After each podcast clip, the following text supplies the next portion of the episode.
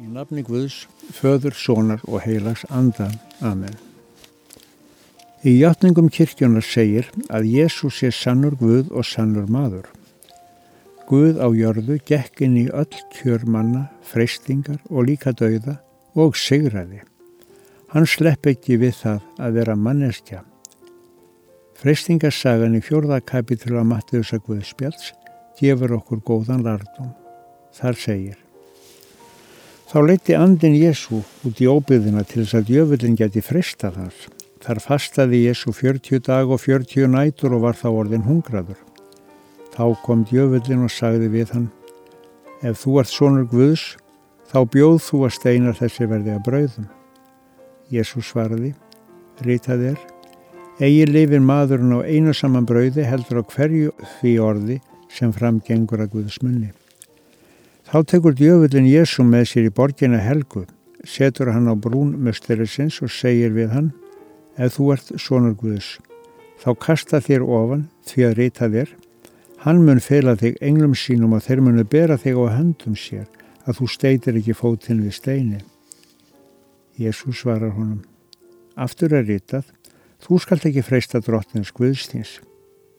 Enn tekur djöfullin hann með sér upp á ofurhátt fjall, sínur honum öll ríki heims og dýrð þeirra og segir allt þetta mun ég gefa þér að þú fellur fram og tilbyður mig. En Jésús sagði við hann, Vík brott, Satan. Rítað er, drottin Guð þinn skalt þú tilbyðja og þjóna honum einum. Þá fór djöfullin frá Jésú og englar komu og þjónuðu honum. Við skulum byggja með orðun Salma Skálsins góða, sér að Páls Jónssonar í Viðvík, að ég það hryggur játa má og Jésu náðar blíði að oft ég hef þér flúið frá í fristingana stríði. En góði Jésu, gef nú mér að geta ég hafnað syndum og endur nær mig æhjá þér af ástar þinna lindum.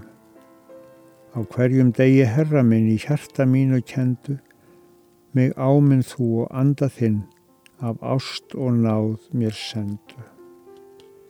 Fadur vor, þú sem ert á himnum, helgist þitt nafn, tilkomið þitt ríki, verði þinn vilji svo jörðu sem á himni. Gef oss í dag vort daglegt brauð.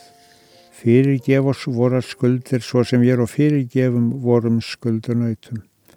Egi leið þú oss í freysni, heldur frelsa oss frá ítlu, því að þitt er ríkið, mátturinn og dýrðinn að eilífu. Amen.